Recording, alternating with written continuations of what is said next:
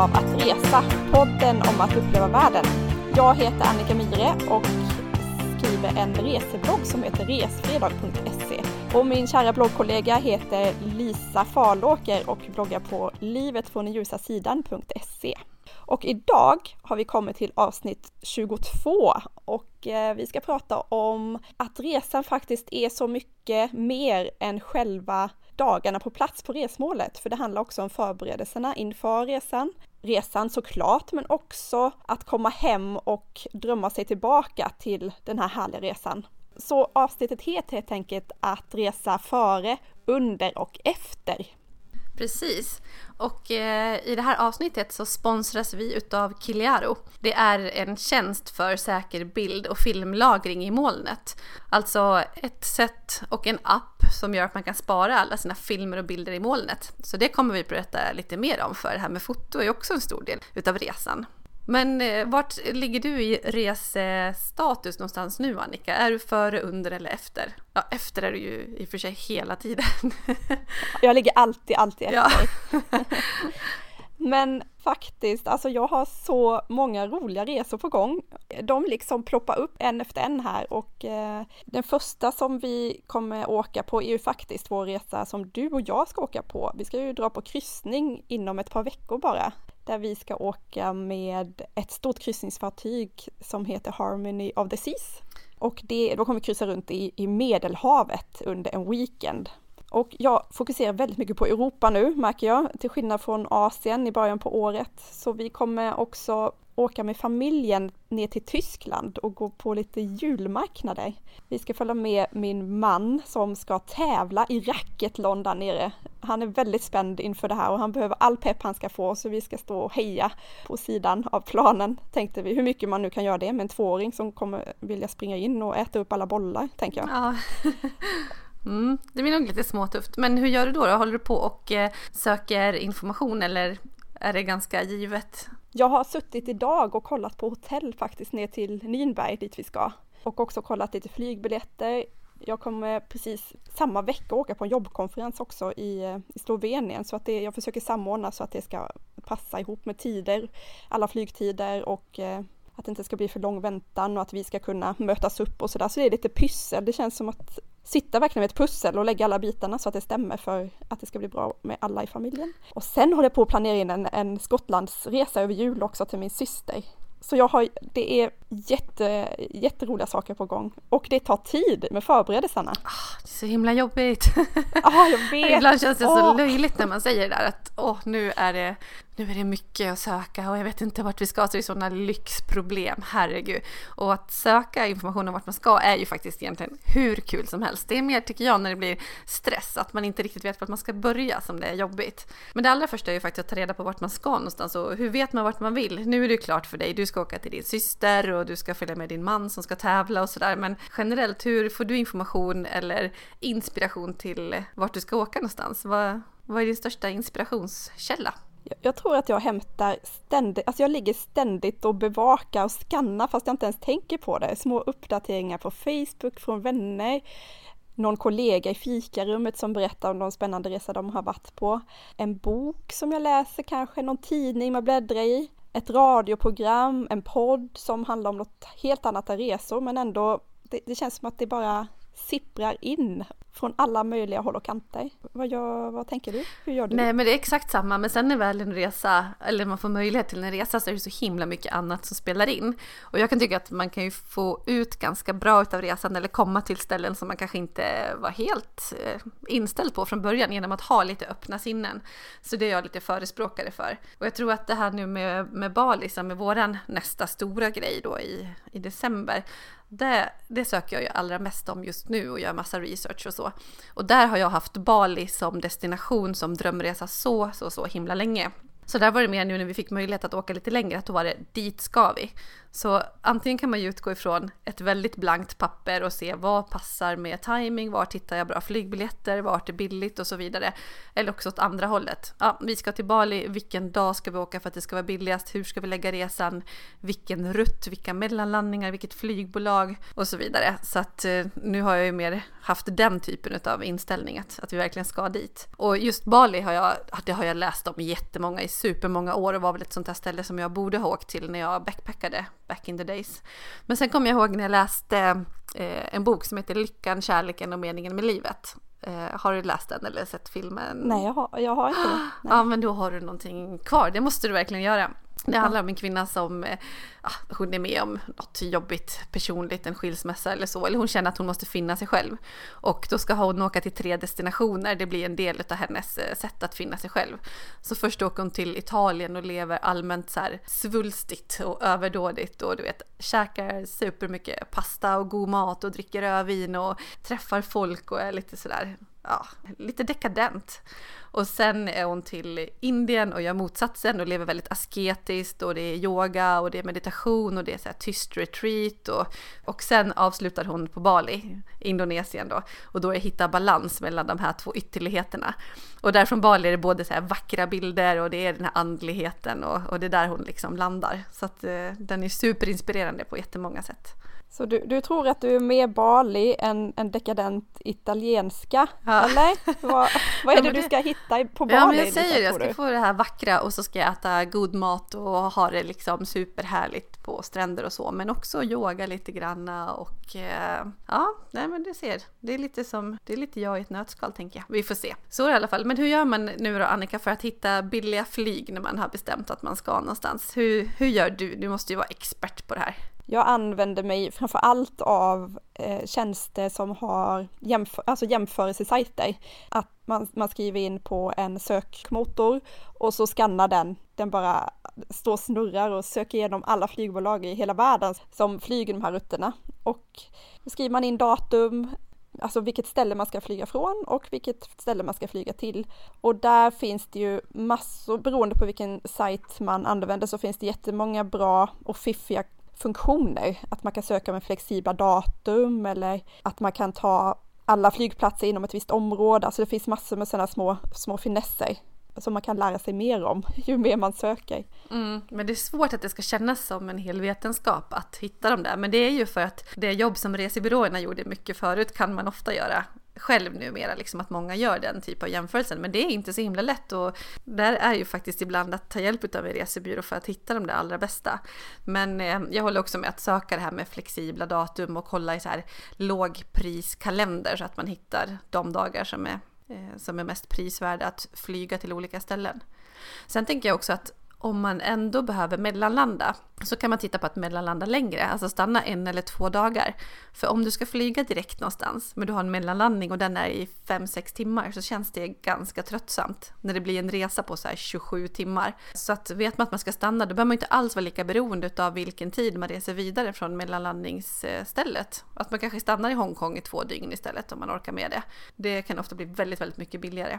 Eller Doha, ett dygn gjorde vi och det var jättekul att se Doha dessutom.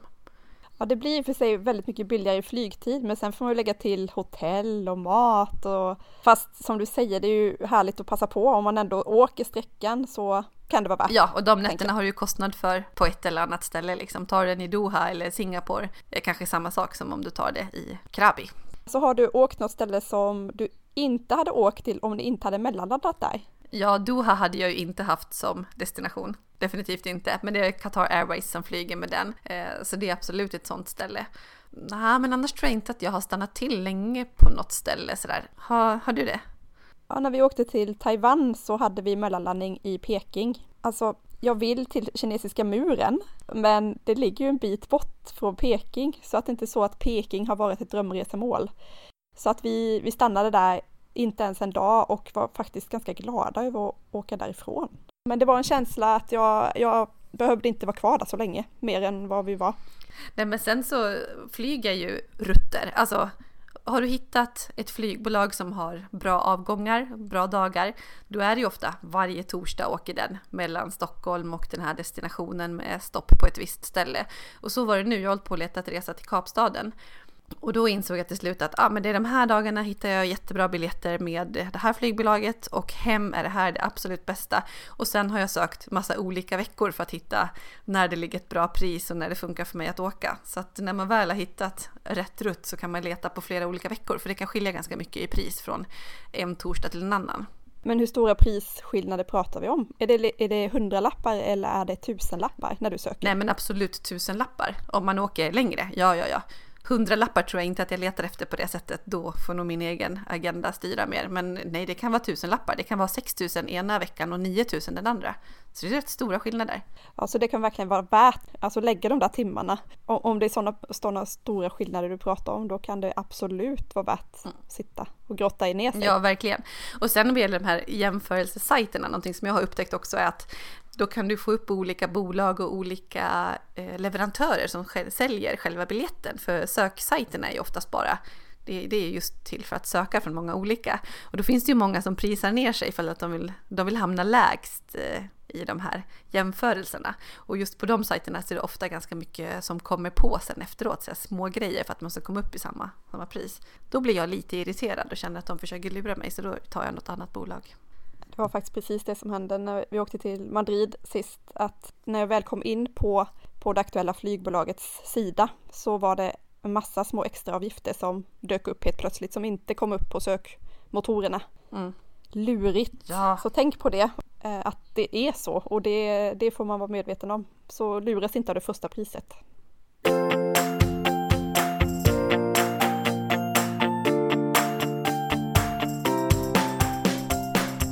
Pratar boende då, hur eh, gör du då för att hitta eh, bra ställen att bo på? Jag går ofta på rekommendationer från vänner och bekanta och eh, fellow resebloggare. Men alltså det finns ju vissa sidor som jag alltid hamnar på och det, det är de stora som, som har väldigt många boenden i sin katalog eller vad man ska säga. Och där går vi ofta på och börjar på lägsta pris. Inte, inte liksom eh, rekommendationer och sådär, utan vi kollar pris först och främst och sen scrollar vi oss ner. Men priset kan inte styra helt, jag måste ändå få, få se, står det hemska saker i recensionerna, att det är kackerlacka och sådär, då, eh, då scrollar jag vidare. Ah, men det där med recensionerna är ju himla intressant för att jag går ofta på det här med ranking, eh, men sen måste man ju se till att man inte får upp så här sådana saker som är sponsrade eller som står speciellt utvalt för dig, för då vet man att det är något fuffens, det är inte alls, utan se till så att man verkligen hittar dem som är i rätt ranking eller den sorteringsordning man vill ha. Men vad gäller de här utlåtanden, alltså ibland kan det vara intressant att gå ner och titta på om det är ett gäng som har sagt kanske ettor och tvåor i betyg, men de flesta har fyror, kanske övervägande femmor om går man in och kollar de här, vad har de skrivit som faktiskt drar ner det så himla mycket? Eh, och ibland kan det verkligen vara så här, ja, det var en ödla på rummet eller handdukarna var för små läste jag häromdagen. Oh. Ja, då är det så jobbigt. Nej, så generellt så står det så här saker som att det är mycket mer slitet än vad bilderna visar eller det ligger precis bredvid en stor väg eller det är ja, läget eller rumstandard är inte så bra som, som de försöker ge sken av. Det är sånt som jag läser in mycket mer. Men står det saker om servicen och sånt där som jag sa innan, eh, men framförallt servicen, då lyssnar jag inte jättemycket på det. För jag tror att vad gäller service, där har vi så otroligt olika krav och eh, preferenser och förväntningar. Ja, och det är ju verkligen, det förstår man ju att olika nationaliteter har väldigt, alltså väldigt olika krav på hur man, hur man förväntar sig att bli mött. Alltså en amerikanare skulle ju aldrig vara nöjd med den servicen som jag kanske är nöjd med. Nej, precis. Och ryssar har ytterligare en nivå som de förväntar sig och så vidare. Och på de här sajterna är det ju många från andra länder också, så att nej, vad man har för krav på service tror jag skiljer sig otroligt mycket. Så att om det är någonting som får dåligt utlåtande, att det är arrogant personal, alltså det är ingenting som jag skulle bry mig för fem öre. Vad gäller researchen då, eh, när du väl har bestämt att du ska åka till ett ställe och du har fått tag i dina biljetter, eh, nu vet vi ju båda att vi samlar mycket information på, på bloggar och för min del är det mycket så dag för dag inlägg. Då tycker jag att jag känner att jag får väldigt bra koll på eh, vad folk gör. Men eh, annars har du någon, eh, några andra tips där? Ja, jag tänker det kommer kanske inte som en jättenyhet att vi läser resebloggar. Nej, nej.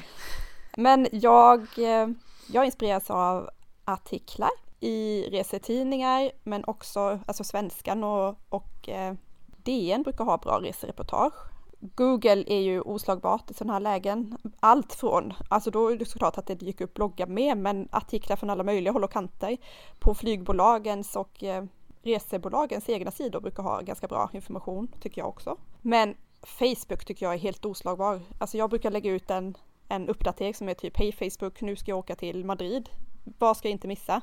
Och då får jag väldigt mycket bra svar som jag kan sen sålla beroende på vad jag vill se och göra och, och vem jag åker med. Nu ska jag ge ett supertips som jag använder ibland. För jag kan tycka att just det här äh, stora, stora informationsmaterialet vi har nu, det finns ju så himla, himla mycket information att ta del av. Så det är svårt att veta just hur man ska sålla och vad man ska hitta.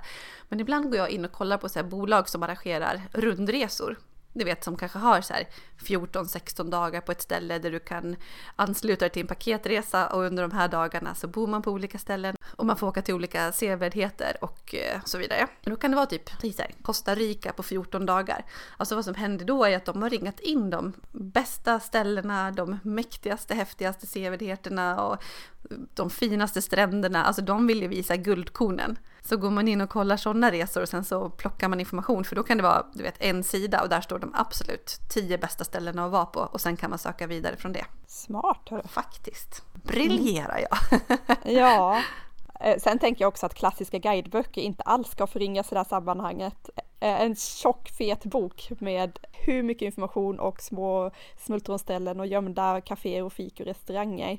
De eh, kan vara väldigt bra att ha. Ja, jag har nästan glömt av att de finns faktiskt, men det är ju så. De är ju superdetaljerade och ofta upplagda så enkelt i kronologisk ordning utifrån en rutt som man förmodligen tar på det stället. Jag håller med. Och där står det också mycket om så här turistfällor. Alltså tänk på det här när du landar på den här flygplatsen en sån här klassisk, när du kommer till ett nytt land eller ett nytt ställe, se till att man vet hur man ska ta sig från flygplatsen till det ställe man ska åka. Att inte veta hur man ska ta sig från en flygplats, det är en av de största och mest vanliga turistfällorna skulle jag säga. Då finns ju all möjlighet att bli lurad på Eh, pengar i taxi och så vidare. Jag läste till och med det om, apropå Bali nu, tror jag det var, att när man landar då ska man inte ta taxibilarna som är på det våningsplanet där man går av, utan man ska åka två våningar upp, för där är de riktiga taxibilarna som har en rimlig prissättning. De som är närmast, i, ja, de som är närmast i ankomsthallen är så här, tre gånger priset. Eh, ja, det läste jag på en blogg, jag är inte helt hundra på att det här stämmer, men det var ju ett så tips som bara, just det. Så att just det här, gör googlingen innan på hur tar man sig från flygplatsen och in för att undvika att bli lurad. Fantastiska tips inför själva resan. Men om vi nu är på plats, vi har landat, vi har kommit dit, vi har drömt om att åka så länge och det är dags att uppleva på plats. Vad ska man tänka på då Lisa? Ja, eh, jag brukar ju hävda det här med restauranger. Att det är viktigt att man får äta på så här bra ställen. Alltså det är klart, hål i väggen och spontana grejer är superhärligt. Men är det något ställe man gärna vill till, så de absolut bästa ställena de är ju ofta fullbokade långt i förväg. Så förboka, det är ett, ett tips jag har. Och sen tänker jag också på sånt här med öppettider och lokala helgdagar och sånt. Att det är lite ett klassiskt misstag också att man inte har full koll på hur det är öppet under vissa storhelger.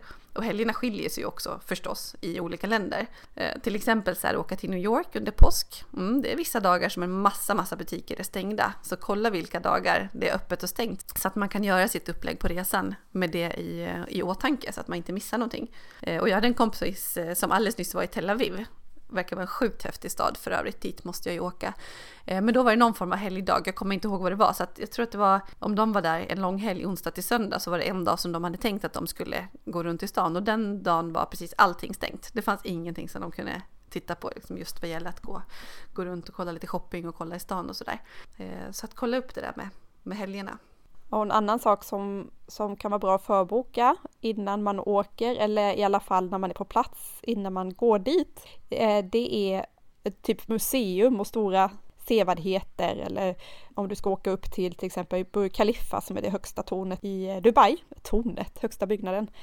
Då kan det vara mycket, väldigt mycket billigare och förboka men också i princip omöjligt att få plats om du går dit samma dag och ställer dig i en kö som typ aldrig tar slut. Men jag ska säga alltså alla de här tipsen vi säger om att förboka, planera i förväg kan jag tycker att det lite kan ta bort hela udden med det som jag vill ha ut av en resa.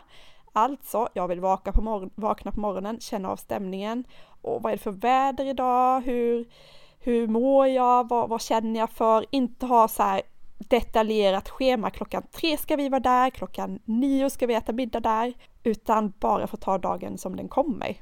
Ja, verkligen. Så. Ja, men gud, ja, men jag håller absolut med dig där. Det är väl mer om det är något specifikt som man tänkt att man ska göra och vilken dag passar det att göra som man, som man bokar in. Men absolut att eh, resor och semestrar ska ju vara spontana och avslappnade.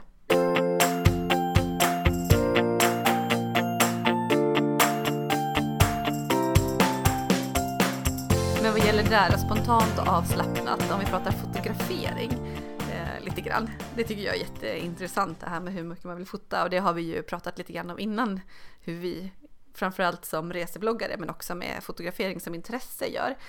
Lever du livet genom en lins på semestern eller bestämmer du dina tillfällen att nu ska jag gå ut och fota det här eller hur gör du? Jag tror att det beror helt på vem du frågar. Frågar du mig så säger jag ja, jag, jag verkligen eh, lever i nuet och jag tar in allt det här härliga och jag njuter. Men frågar du till exempel en av mina äldre systrar som brukar vara med på mina resor så kan hon ibland putta till mig och säga Hallå! Du kan ju inte uppleva den här resan genom linsen. Kolla istället på allting du har omkring dig. Det är jättefint. Lägg ner kameran nu, typ. Så att, eh, mm, det är nog lite blandat kan jag säga. Ibland så, så skulle jag verkligen bara känna för att lägga ner kameran en hel dag och in, inte ens ta med den ut. Och samtidigt så vet jag om jag hade gjort det så hade jag gått och grämt mig jättemycket efteråt för att jag lever väldigt mycket, alltså jag upplever mina resor igen genom fotona och jag tycker att det är ja men det är en stor del av resan för mig och faktiskt ta kort. Ja precis, och ibland kan det ju verkligen vara att man känner att det här är ett ögonblick jag vill fånga. Alltså någonting kanske blir ännu vackrare för att man tittar igenom kameran eller tänker på vad är en schysst fotovinkel. Så för mig kan det också addera en extra dimension. Men sen ibland är det också så att jag bara lägger ner det och inte alls tar fram kameran och sen så ja, i efterhand tycker jag alltid att jag har tagit för lite foton. Men jag antar att jag har gjort en avvägning under tiden så att det är rätt just där och då. Men däremot kan jag, vad gäller bloggandet och så, alltså jag blir ju så inspirerad av de här absolut duktigaste fotograferna och resebloggarna som är riktiga proffs liksom. Men jag har förstått att de också ofta går ut och så här, nu ska jag gå ut och fota och då är stativet med och man, nu går jag ut och gör en, en, en fotoinsats helt enkelt. Och där kommer jag aldrig hamna för jag är mer, jag vill göra saker, uppleva och du vet det aktiva och sådär. Så att för mig är det jag upplever så hänger kameran med och sen så får jag tillfället så fotar jag av. Men jag kommer aldrig gå en vandring för att se saker som ska fotas. Om du förstår skillnaden. Kom ihåg att du har sagt det. Ja. ja. ja. det gäller inte när vi reser tillsammans du och jag till typ på kryssningen är Capri i Italien. Då kommer vi bara fota saker. Ja, just det. Mm. Ja, men lite så eh, funkar det för mig i alla fall. Jag, jag, tycker det är så intressant att se hur, hur det har utvecklats genom tiden och det är väl kanske ett tecken på att, eh, på att jag börjar bli lite äldre nu då. För jag vet att under mina första såna riktigt långa resor så hade jag ju bara vanlig kamera med filmrulle. Och mina barn, alltså de vet ju inte ens vad en filmrulle är. De är ju så vana att man klickar och så frågar de, får jag se, får jag se, hur blev det? Mm. Medan jag vet den här känslan när jag åkte på en av mina första längre resor, alltså den här fantastiska spänningen som fanns när man lämnade in filmrullen, sån här en timmes framkallning. Så bara åh, undrar hur de blev och så satt man och väntade utanför. Ja. Alltså det, det är ju någonting som som var speciellt, som vi inte kommer få uppleva igen. Nej men verkligen, och sen så vissa bilder som är riktiga misstagsbilder men så himla roliga. Man är så glad att de finns, alla de där bilderna som man i nuläget liksom raderar för att man inte vill ha plats med hur mycket som helst på sin, på sin kamera. Men apropå det när jag var ute och reste för länge sedan också, precis som du hade filmrullar och så, så var man så här, hur ska jag göra för att säkra att inte tappa bort de här? Alltså just den här rullen som var färdigknäppt, den var ju så himla värdefull. Den innehöll ju alla foton från ett ställe. Och jag vet att jag lämnade in på plats i Asien och framkallade en massa. Skickade hem foton eller bar omkring på stora luntor med foton bara för att inte bli av med den och ändå ha kvar den här redan framkallade rullen som typ backup. Ja, jag vet inte riktigt hur jag tänkte, men det kanske var bäst, best practice då helt enkelt. Ja, för vad hade varit alternativet tänker jag? Nej, jag vet. Skicka rullarna hade liksom inte blivit bättre heller. Nej, för då hade man gått runt och varit nervös för det, ja. att de skulle komma bort på posten eller så. Ja, exakt. Och några år senare så vet jag att jag gick in och brände CD-skivor. Det var ju en tjänst som de hade på det som numera är internetcaféer med snabbt wifi och stor plats och sådär. Att man kunde gå in och bränna skivor, så det vet jag också att jag gjorde eh, ett tag. Och det måste ju ha varit efter digitalkameran då i alla fall. Men i början. Innan det fanns typ molnlösningar som det gör nu. För det är någonting som jag verkligen använder jättemycket nu, att jag eh, både med kort som jag tar på mobilen så går jag in direkt, jag har ett wifi, eller inte direkt, men när jag har ett wifi typ på hotellrummet på kvällen så går jag in och lägger upp massa bilder som jag har tagit under dagen i en molnlösning där jag har en tjänst som lagrar alla mina bilder i molnet. Och eh, då behöver jag inte vara rädd för om mobilen blir snodd eller att det ska bli fullt på utrymme för då kan man ju radera det sen. Och det här med molnet och just en sån tjänst, det är ju det som Kiliaro tillhandahåller. Det är en ganska ny tjänst, eh, de har inte funnits jättelänge och det som är lite speciellt med dem jämfört med eh, andra, det är att de verkligen är anpassade speciellt för bilder och filmklipp. Så går man in i deras app så syns det väldigt, väldigt snyggt. Man får en otroligt bra överblick över sina bilder och filmer. Och inte liksom att det bara står filnamn, utan du ser det nästan som att du skulle bläddra på ett Instagramkonto. Just det, och man kan komma åt det också från olika devices, alltså prylar. Man kommer åt det från iPaden eller sin smartphone eller från datorn. Och det här är ju faktiskt helt, jag är faktiskt inte lika digital som dig Lisa. Jag förstår att du, eller jag, jag har ju förstått det, att du lever genom dina gadgets. Alltid, ja precis, gadget girl. Medan jag tidigare, alltså jag har verkligen gjort så här, om jag ska lägga ut en bild på Instagram så kan jag gå och liksom gå in på min blogg genom telefonen, spara ner fotot på telefonen, sen gå in på Instagram, ta kortet som jag sparat ner och sen lägga ut. Det tar typ hundra år. Mm. Så, så det här har ju varit en sån där wow-lösning för mig och när jag testat eh, det här molnlösningen, alltså Kiliaro, då kan man nämligen alltså dela korten som man har, kan man dela direkt från appen ut på Instagram eller Twitter eller vad det nu är. Så jag kan ha en massa kort från mina resor långt tillbaka i tiden som man laddar upp då, som man kan dela direkt och det är ju superhäftigt tycker jag. Ja, verkligen. Men just det här med molnet kan ju låta lite så här vad är det där molnet egentligen? Men vad egentligen, om du säger att du har haft bilder på din dator och så läser du upp det från din telefon så ligger de lagrade på datorn. Här har du bilderna lagrade någon annanstans på en annan dator eller en stor server som rymmer supermycket och som alltid står på ställen som är, ja, det är väldigt säkra, det är backupat och så vidare. Det är en, en supersafe lösning för det där och så har du ett konto så att du kommer åt dina egna saker. Och det som du har där i molnet, du kan räkna med att de gör en bra backup utav det. Och att det ändå är säkert, du kommer inte in med något annat än ditt, ditt, eget konto och från dina devices. Så att det är en så himla smart grej och jag tror att vi bara ser början på det här. Jag menar sådana här som är ganska digitala som du har knappt kommit igång med det här. Men det är en så bra grej så att jag rekommenderar verkligen alla att gå in och eh, skaffa ett konto så kan man lätt backa upp sina bilder under tiden man är på resan. Likväl som när man kommer hem så kollar man kompletterar. Ja, också vad skönt att inte ständigt behöva vara nervös om man tappar telefonen eller om den blir stulen eller datorn eller vad som helst. För det är ju förödande om kameran försvinner och med det alla bilderna från hela semestern. Ja, verkligen. Och eh, jag misstänker att alla har förstått att det här med molnlagring är positivt på så, så, så många sätt. Så att vi har ett erbjudande också nu från Kiliaro att eh, om man går in och skapar ett konto, vilket man gör antingen på kiliaro.com eller så laddar man ner appen eh, och så anger man rabattkoden att resa podden i ett ord. Då får man en gratis testmånad och sen betalar man bara 9 kronor i månaden för i princip obegränsat med bilder. Och eh, ordinarie pris är 19 kronor i månaden. Så att det här är ett jättebra pris och så låter man det bara löpa så kan du ha dina bilder där forever and ever. Och signa upp senast 15 november 2016 för att det här ska gälla.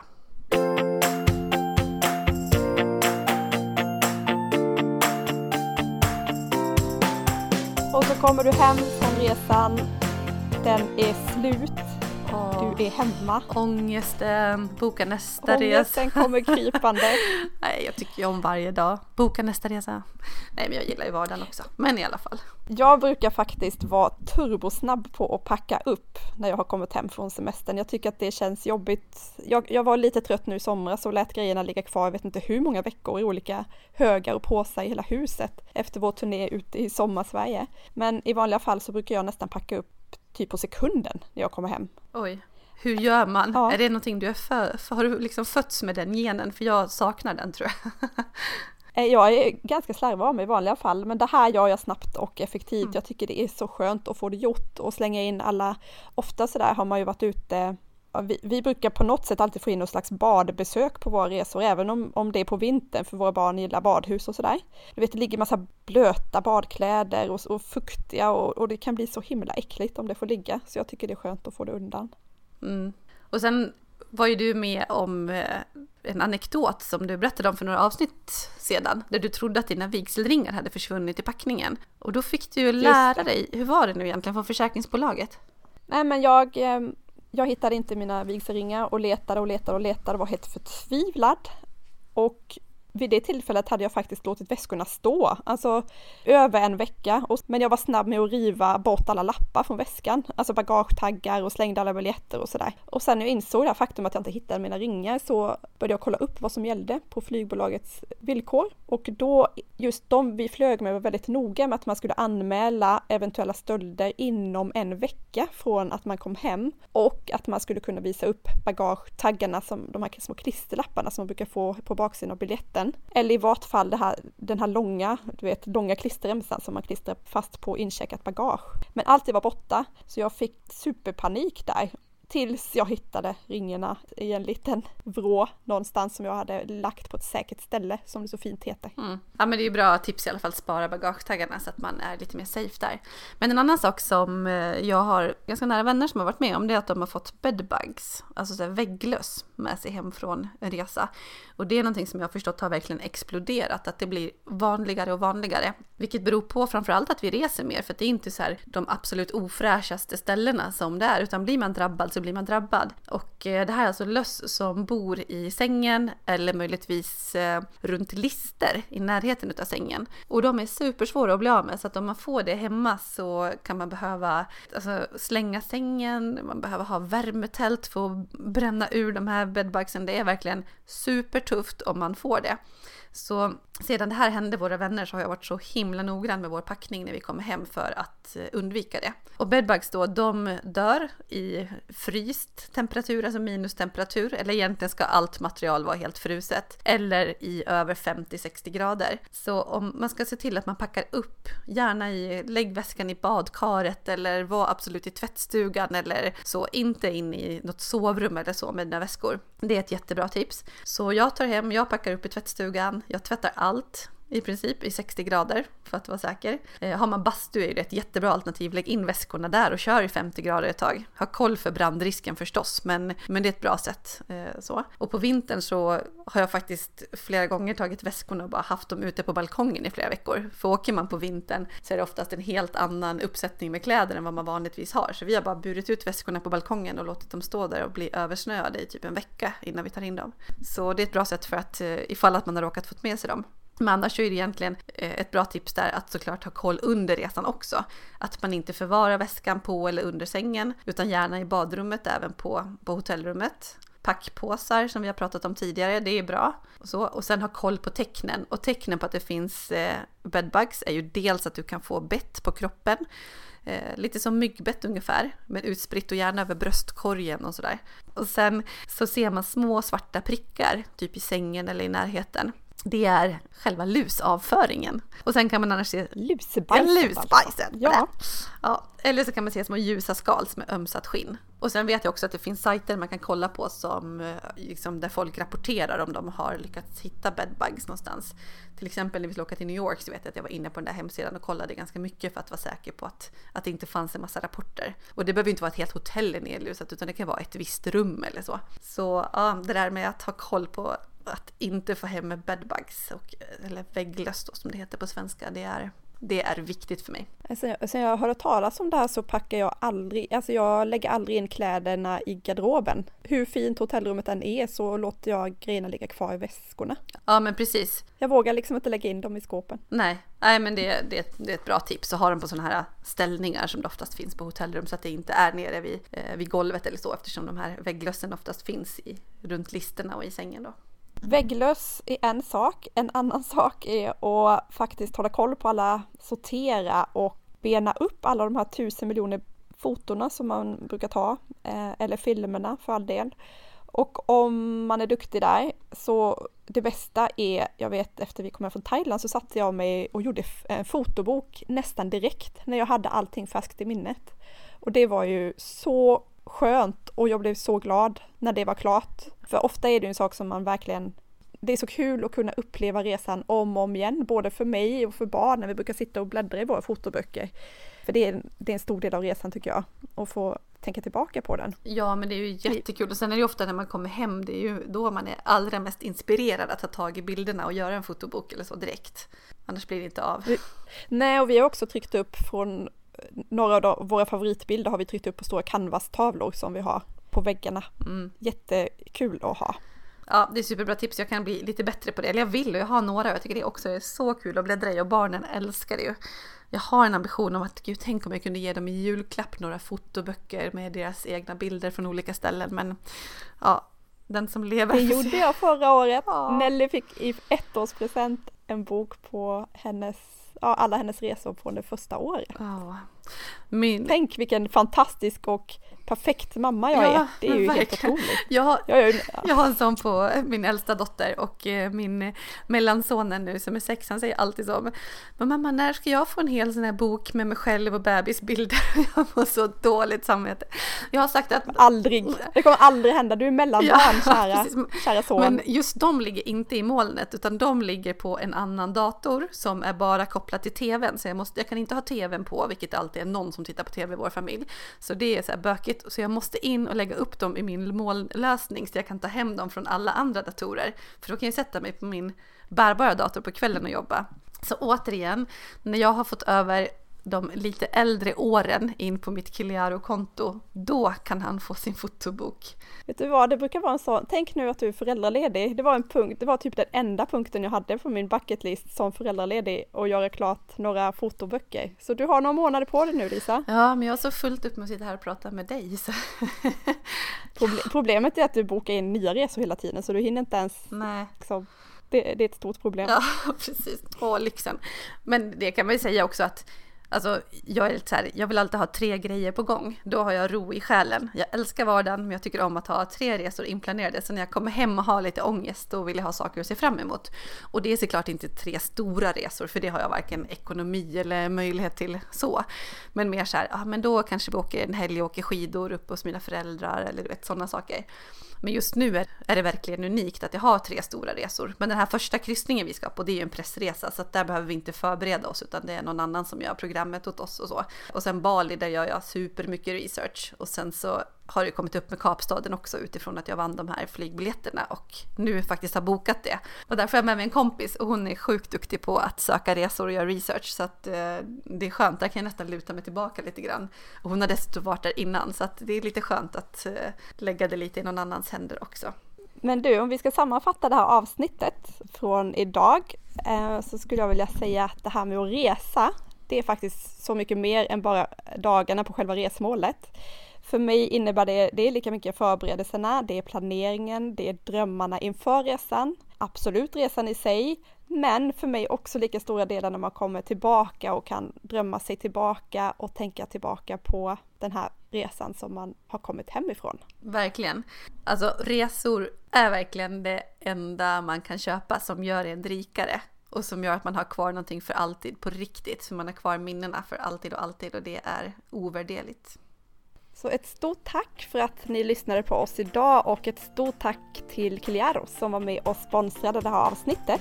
Glöm inte att gå in på kiliaro.com och eh, starta ditt eget konto där. En gratis månad och sedan 9 kronor i månaden för obegränsad lagring av dina bilder, bebisbilder och semesterbilder och allt som du vill ha kvar. Koden är att resa podden. tack för oss och vi hörs igen om ett par veckor som vanligt. Tack, tack. Hej då! Hej då!